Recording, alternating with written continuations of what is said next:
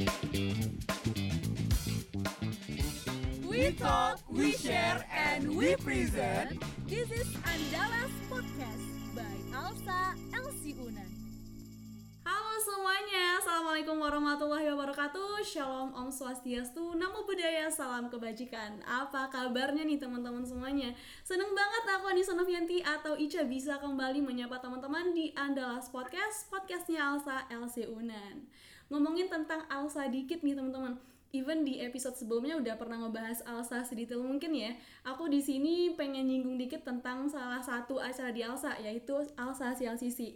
Jadi tuh kegiatan ini adalah salah satu aplikasi dari pilar kedua dan ketiga Alsa yaitu socially responsible dan legally skilled. Dan di episode kali ini adalah salah satu pre-event dari Alsa CLCC yang langsung bekerja sama dengan Andalas Podcast nih teman-teman.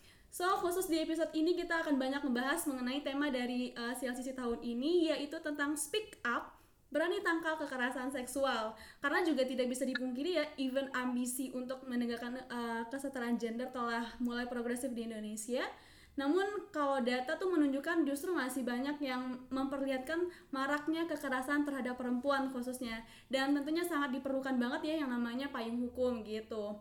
Dan untuk ngebahas ini di sini kita udah kedatangan tamu yang sangat luar biasa dan mengins dan menginspirasi banget siapa lagi kalau bukan Kak Khairunisa Hanif. Halo Kak Anisha.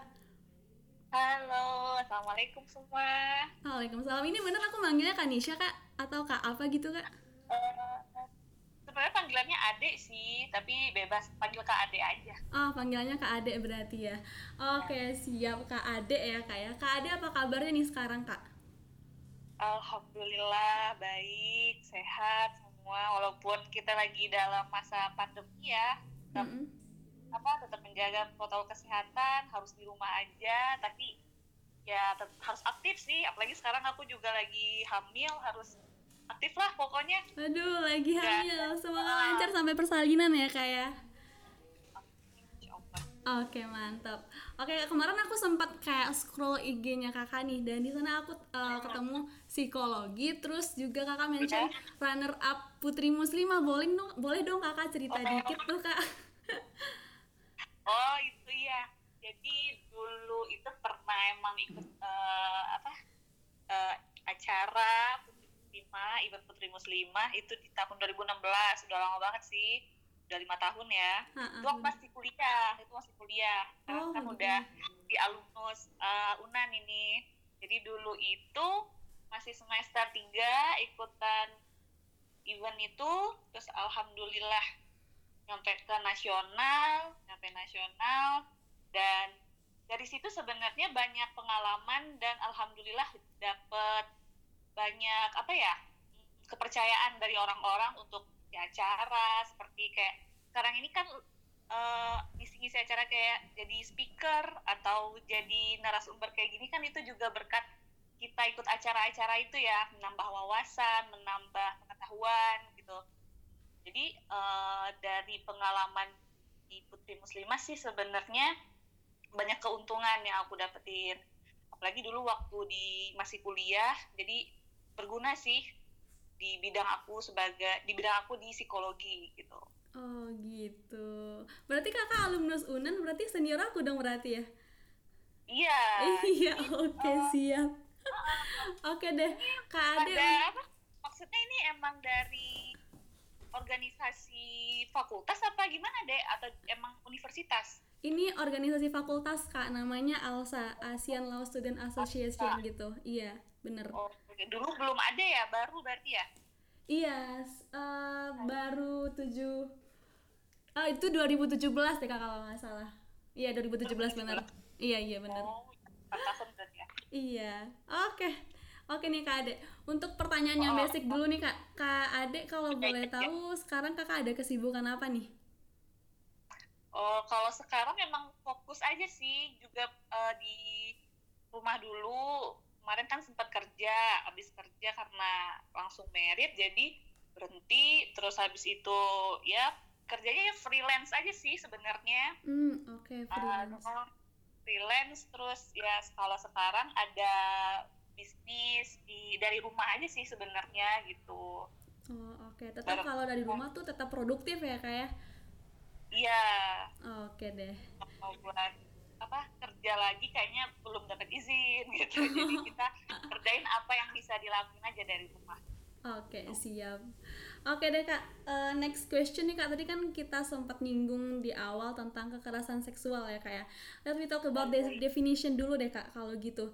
Jadi dari seorang Kak uh, Nisa Hanif nih, kekerasan seksual itu tuh sebenarnya apa Kak? Boleh dong Kakak boleh kasih jelas dikit gitu ke kita kita oh, gitu. Oh, oh, oh. Sebenarnya kan kalau kita ngomongin kekerasan seksual, kadang ada yang salah tangkap juga sih pelecehan seksual sama ke kekerasan seksual itu sama tapi sebenarnya mereka tuh beda. Kalau kekerasan seksual itu kan udah apa ya udah sampai ke tindakan gitu. Sudah sampai ke perlakuan secara fisik. Sedangkan kalau pelecehan kan masih dalam bentuk eh, kata-kata uh, atau dalam bentuk uh, rayuan misalnya gitu. Kalau kekerasan seksual itu yang kita lihat uh, di lingkungan emang sudah mencakup dalam kekerasan secara fisik gitu. Sudah ada aksi yang dilakukan oleh pelaku. Contohnya seperti perkosaan ya KDRT terus kayak kekerasan dalam pacaran itu juga udah banyak kan ya. Iya benar. jadi kalau oh, jadi kalau dari beberapa kasus yang terjadi akhir-akhir ini itu kan kekerasan seksual emang apa ya eh, kekerasan seksual yang kita kita tahu kan. Iya benar. Untuk contohnya itu misalkan tadi kakak kan udah bilang itu pemerkosaan dan ada yang namanya incest sebenarnya di dalam kekerasan seksual ini yang itu terjadi uh, fenomena di Padang akhir-akhir ini kan? Iya iya benar benar. Itu, uh, incest itu kan sebenarnya uh, pelecehan eh bukan kekerasan yang terjadi uh, di dalam suatu hubungan dekat atau kerabat yang dekat yang dilakukan misalkan dari ke putranya, bapak ke anaknya, kakek ke cucunya misalkan. Nah, di sini yang aku lihat kejadian kemarin, pasti tahu lah ya fenomena yang terjadi akhir-akhir ini di iya. Padang. Uh, ya itu termasuk kekerasan seksual yang dinamakan dengan incest sebenarnya ya gitu selain itu sebenarnya ada eksploitasi seksual juga kayak menguntit itu juga termasuk dalam kekerasan seksual intinya sih kekerasan seksual ini udah mencapai suatu tindakan gitu. Udah udah sampai pada kekerasan fisik. Sedangkan kalau pelecehan itu mereka masih melakukan uh, seperti rayuan kata-kata yang belum memberikan luka luka terhadap fisik kali ya. Contohnya misalkan nih kalau pelecehan seksual kita di kantor. Kantor aku sering dengar sih kayak uh, apa antara atasan dan karyawan misalkan. Atasan dan karyawan yang apa sih meminta atasan yang meminta karyawannya melakukan kegiatan seksual misalnya gitu kan. Dan itu uh, apa mendapatkan atau si atasan memberikan tawaran seperti bayaran atau kenaikan pangkat. Nah itu kan masih membuat persyaratan. Dan membuat persyaratan itu berarti masih dalam bentuk kata-kata. Nah, itu sudah masuk pelecehan seksual sebenarnya.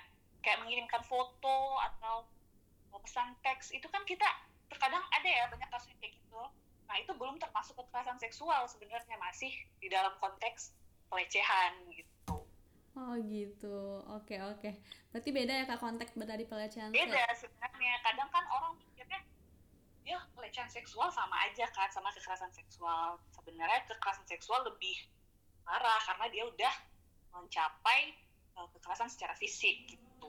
Oh oke okay, oke. Okay. Kak kalau kita ngomongin tentang kekerasan seksual dan pelecehan seksual mungkin masih ada ya beberapa orang tuh yang kayak berpikiran bahwa kekerasan seksual tuh merupakan hal yang tabu gitu dan kurang tepat rasanya iya, kalau dibahas untuk dibicarakan dan, dibah uh, dan dibicarakan gitu ya kayak. Ya. Nah, uh, padahal tuh mengenalkan dan memberikan edukasi dan pemahaman mengenai hal tersebut sejak dini tentunya bisa mencegah terjadinya kekerasan iya, seksual iya, tadi iya, gitu kan kayak. Ya. Terus benar.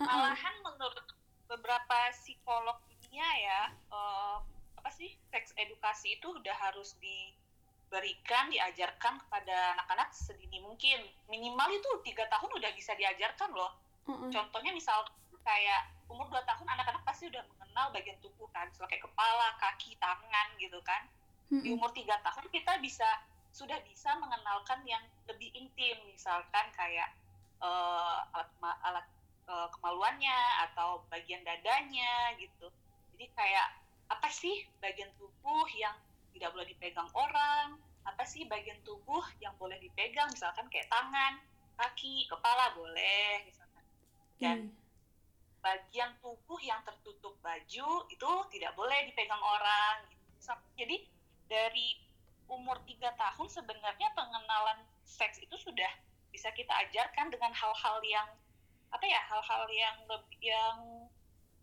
yang lebih mudah lah diproses oleh anak-anak. Kan mereka masih sulit untuk memproses apa sih informasi yang kita ajarkan dan dari situ udah bisa memberikan pemahaman. Setidaknya mereka sudah aware tentang apa apa kewajiban mereka terhadap tubuh mereka diri mereka gitu. Nah iya benar banget Uh, terus kak tadi kan kakak sempat mention juga nih yang terjadi di kota Padang gitu-gitu ya. Dan untuk iya, itu iya, tuh iya, khususnya iya, iya. Uh, dari kasus kekerasan seksual tersebut kan kebanyakan korbannya dari anak-anak gitu ya kan ya. Uh, terkait kekerasan seksual yang tersebut tuh bagaimana sih proses agar korban tidak takut untuk speak up gitu kak tentang kekerasan seksual yang dialaminya gitu? Iya iya. Pertama kan ini speak up itu kan sebenarnya penting ya untuk proses pemulihan ya. Karena kan ketika korban berani berbicara dia kan pastinya bakal mendapatkan bantuan profe profesional maksudnya profesional di sini psikolog misalkan. Kalau mereka udah speak up pastinya uh, apa permasalahan atau kasus itu pasti bakal besar dan uh, para psikolog pasti akan turun tangan untuk membantu gitu kan. Sedangkan mereka takut speak up karena uh, ketakutan mungkin karena ada ancaman atau hal-hal lainnya kali ya sebenarnya kalau untuk anak-anak itu balik lagi sih ke orang-orang terdekat. Misalnya kayak orang tua.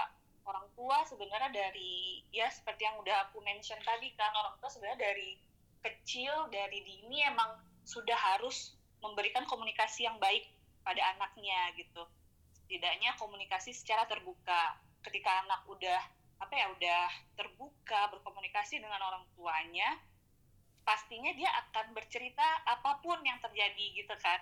Iya, apa yang dia rasakan apa yang dilakukan orang-orang sekitarnya pasti dia akan lebih terbuka kepada orang tua gitu.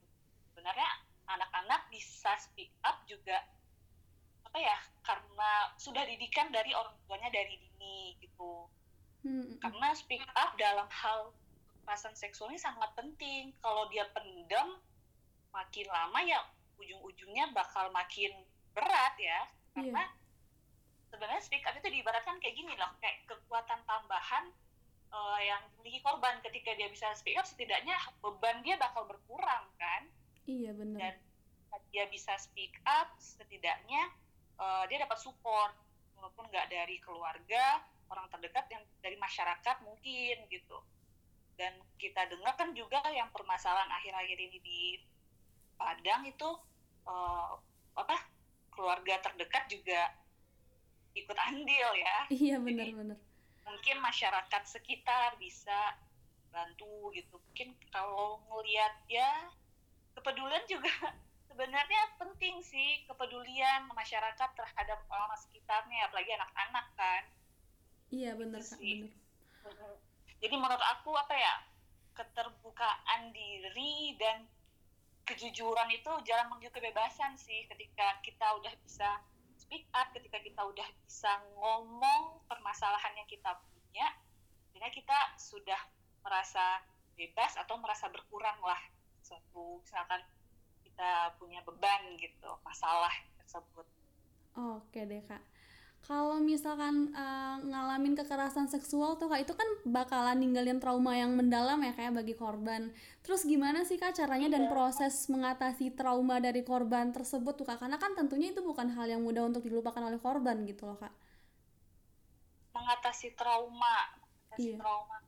Oh, ketika si korban telah uh, mendapatkan perlakuan seperti itu, kebanyakan bukan anak bukan hanya anak-anak sih. Orang dewasa pun kadang nggak bisa menerima kan? Iya, jadi bener. untuk mengatasi trauma itu kita harus bisa menerima dulu. Kita terima kenyataan ya memang kejadian tersebut sudah terjadi. Ketika kita bisa menerima setidaknya kita bisa melangkah ke hal yang lebih ini kan uh, untuk lakukan intervensinya. Misalkan menemui psikolog gitu kan. Atau e, bercerita dengan orang lain kayak gitu. Ketika kita menemui psikolog mungkin bakal banyak hal-hal yang dapat kita lakukan agar trauma itu bisa hilang. Mungkin psikolog bakal berikan kayak treatment atau yoga meditasi misalkan gitu. Selain hmm. itu kayak bercerita kepada orang lain bercerita pada orang lain. Kan tadi udah kita bahas juga ya. Iya iya benar ketika kita ngomong ketika kita bisa mencurahkan isi hati setidaknya beban tersebut bakal berkurang gitu terus juga uh, satu lagi kalau kita apa pelecehan seksual kan sering memberikan efek kayak apa ya kita jadi menyalahkan diri sendiri enggak sih? Iya benar iya, iya. Uh, sebenarnya dalam konteks ini bukan korban yang salah tapi pelaku yang salah gitu kan. Pelaku yang tidak bisa mengendalikan hasrat seksualnya gitu. Terus juga oh, mungkin cara lain juga ada itu namanya support group nah mengikuti support group itu juga bisa mengurangi trauma sih mengurangi trauma si korban korban tadi support group di sini berarti mereka berkumpul orang-orang yang pernah mengalami uh, kejadian yang sama, kekerasan seksual, dan di situ mereka bisa bertukar pikiran, bisa saling memberi apa ya, memberi dukungan gitu. Jadi banyak sebenarnya hal-hal yang bisa mengatasi trauma mengatasi trauma terhadap ke, kekerasan seksual tadi. Intinya ketika kita bisa berani berbicara lah, balik lagi tadi ke speak up tadi ya, berani speak up, uh, apa sih masalah itu perlahan-lahan pasti bakal selesai. Hmm, Oke, okay. okay. Ngomongin tentang regulasi nih kak, menurut kak Ade sendiri nih, gimana sih regulasi uh, yang ada di Indonesia gitu yang mengatur tentang kekerasan seksual? Apakah sudah cukup baik dalam mengatasi tindak kekerasan tersebut? Apa bagaimana kak? Menurut kak Ade sendiri gimana?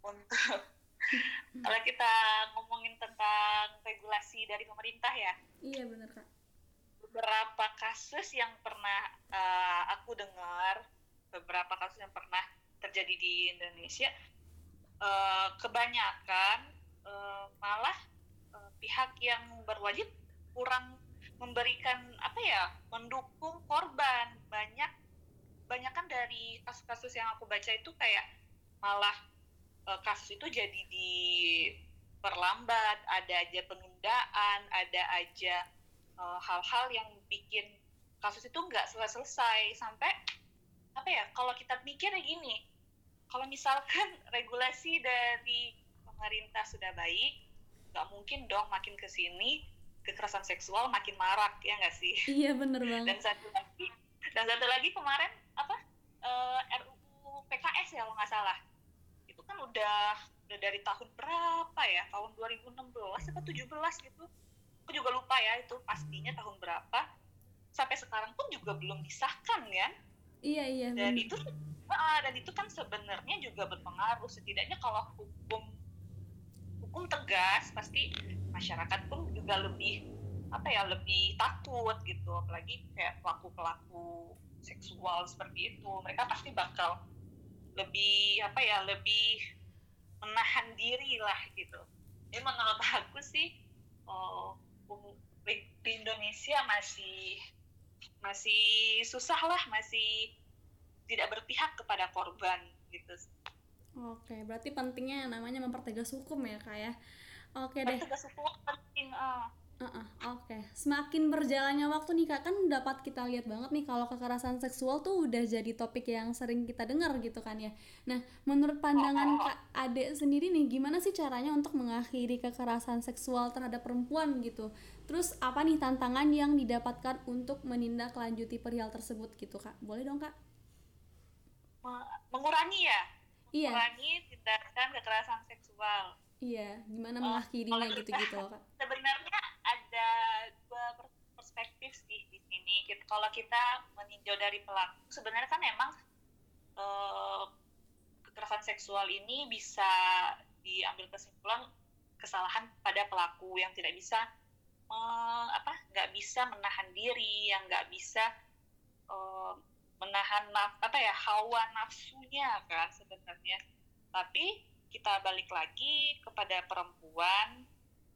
Kalau kita ngeliat di Indonesia fenomena yang terjadi tentang kekerasan seksual kan banyak, kebanyakan uh, apa ya laki-laki lebih cenderung untuk mengganggu atau uh, melirik wanita yang pakaiannya misalnya terbuka atau tidak sopan atau ya, ya uh, le yang lebih ini sih sebenarnya.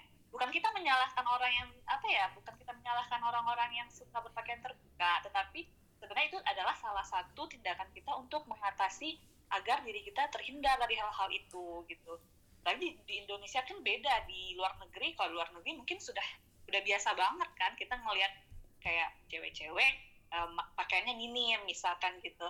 Tapi kalau di Indonesia kan kalau melihat wanita yang seperti itu lebih cenderung untuk diganggu kayak kayak gitu kan nah menurutku sih sebenarnya dari kita sendiri perempuan Indonesia mungkin kalau kita lebih uh, mencintai diri kita bisa melakukan dengan berpakaian lebih sopan ke mana pun apalagi kalau kita ke tempat umum gitu jadi kita tidak mengundang uh, hasrat orang untuk berbuat jahat gitu.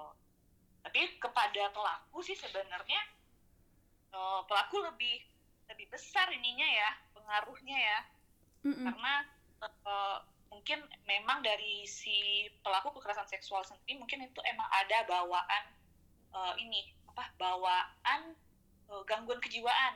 Maksudnya di sini misalkan dia memang sudah ada gangguan kepribadian tentang uh, seksual, misalkan dia emang hypersex misalkan atau dia tuh memiliki apa OCD terhadap seksual. OCD ini maksudnya obsessive compulsive disorder mana dia terlalu terobsesi dengan seksual. Jadi uh, itu juga susah sih kalau memang sudah kepribadiannya memang sudah seperti itu gitu yang penting sih kalau menurut aku uh, kita nggak bisa tahu niat orang kan kayak pelaku kekerasan seksual kita nggak tahu niatnya kapan dia mau melakukan gimana dia mau melakukan yang penting kita harus sebagai perempuan sebisa mungkin membentengi diri dengan ya menjaga diri salah satunya dengan yang aku bilang tadi bisa dengan berpakaian sopan apalagi di depan umum gitu.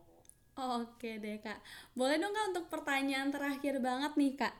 Kalau oh, dari terakhir aja. Iya. iya udah pertanyaan terakhir aja nih. Oke dari Kak Ade sendiri nih apa nih pesan-pesan kakak untuk para perempuan di luar sana dan uh, anak-anak mungkin ya yang masih belum berani untuk speak up gitu kalau ada kekerasan seksual yang terjadi ke dirinya gitu boleh dong kak persuadnya mungkin kayak gitu kak? Oh pesan-pesannya ya iya benar pertama kalau untuk mas untuk perempuan ya kayak tadi yang seperti yang aku bilang tadi kalau aku lebih membawanya ke perspektif apa ya agama ya karena semakin kita menutup diri semakin kita melindungi diri kita pasti gangguan itu bakal lebih terhindar gitu. Dan untuk teman-teman yang memang sudah mengalami hal tersebut uh, permasalahan tersebut jangan takut untuk speak up karena ketika kita apa ya ketika kita bisa berbagi dengan orang lain atau ketika kita bisa membuka diri dengan orang lain uh, beban yang kita rasakan atau beban yang kita punya itu pasti bakal berkurang. Dan apa ya seperti yang aku bilang tadi keterbukaan diri dan kejujuran diri walaupun itu sebenarnya memalukan ya walaupun itu memalukan walaupun itu sebenarnya berat untuk diberitahu setidaknya kita e, bisa mengurangi korban dari si pelaku tersebut. Setidaknya si pelaku kekerasan seksual tadi tidak berlanjut dan tidak e, memberikan korban lain-lainnya gitu. Dan kita bisa ketika kita bisa buat pelaku itu ditangkap atau nantinya pelaku itu menyerahkan diri kepada pihak berwajib itu sudah memberikan apa ya memberikan kepuasan untuk kita dan dan membuat rasa takut yang ada dalam diri kita jadi berkurang gitu. jadi jangan takut untuk uh, berbicara di depan umum. Jangan takut untuk salah ketika kita memang benar gitu. Jadi uh, itu sih. Oke. Okay. intinya kalau oh, intinya kalau kita punya masalah jangan dipendam. Nah, ngomong ketika ketika kita ngomong hal yang atau ketika kita speak up hal yang benar insya Allah bakal ada jalannya gitu. Oke yang penting jangan takut ya kak ya. Ya jangan takut. Apalagi kayak apa ya kalau cewek-cewek sekarang kan kebanyakan kalau udah ada misalkan pelaku A ketika kita ketika dia tahu ada korban lainnya dia baru mau speak up gitu kan. Iya. sedangkan dia dia dia udah dari dulu misalkan menjadi korban si pelaku gitu. Sebenarnya kan dia bisa mengatasi apa sih mengatasi uh, perilaku si pelaku tadi kan. Iya benar. Tapi dia mau ngomong. Dan speak up adalah salah satu hal yang penting jika kita uh, mendapatkan perilaku buruk tersebut. Oke, itu nih teman-teman yang perlu kita highlight nih bahwa speak up itu sangat penting ya teman-teman ya. Oke deh, thank you so much nih buat Kak Ade udah nyempetin hadir dan sharing dengan kita di Analas Podcast nih Kak, thank you so much.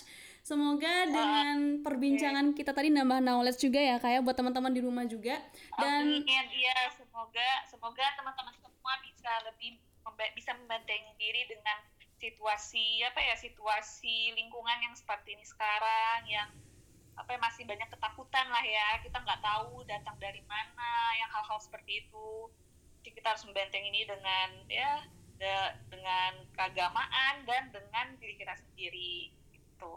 Iya benar. Semoga terhindar dari hal-hal yang kayak gitu. Iya benar. Dan aku di sini Mirip juga banget soalnya. Mirip banget soalnya di Padang sebegitunya gitu kan. Iya iya benar. kayak anak kecil gitu kan masih anak-anak. Harusnya kan keluarga yang dia dapatkan apa sih kebahagiaan keluarga yang bikin dia bahagia gitu kan. Mm -mm. dalam dapat kemampuan yang kayak gitu. Cuman tahu umurnya lima tahun sama tujuh tahun kan ya Allah. Itu gimana masa depannya lagi gitu kan. Iya, gimana perkembangannya lagi nanti sampai dia dewasa. Bagaimana pandangan sosialnya lagi gitu. jadi emang apa ya kalau untuk anak-anak emang jauh pemikirannya gitu. Emang harus kita pikirkan apalagi buat kayak orang tua sendiri gitu. Itu benar-benar kayak apa ya sampai-sampai tadi aku mikirnya kayak gangguan apa si keluarganya punya gangguan moralitas gitu. Nggak mikir sampai sejauh itu ketika membaca berita itu. Aduh parah miris sih sebenarnya iya miris banget Oke deh kak, maybe buat kak Ade sehat-sehat selalu di sana ya kak ya karena balik lagi lagi pandemik nih. Selalu stay safe ya kak ya di sana. Thank you so much nih kak. Ya sama-sama. Oke, thank buat you so much. juga semua sehat-sehat, sukses terus. Amin amin ya robbal alamin. Oke teman-teman semuanya itulah tadi percakapan aku bareng Kak Ade. Banyak banget manfaat yang bisa kita dapetin dari sharing tadi ya dan aku juga mau ingetin teman-teman sel untuk selalu stay safe di mana pun teman-teman berada. So thank you so much for listening adalah podcast and see you in the next episode. Dadah.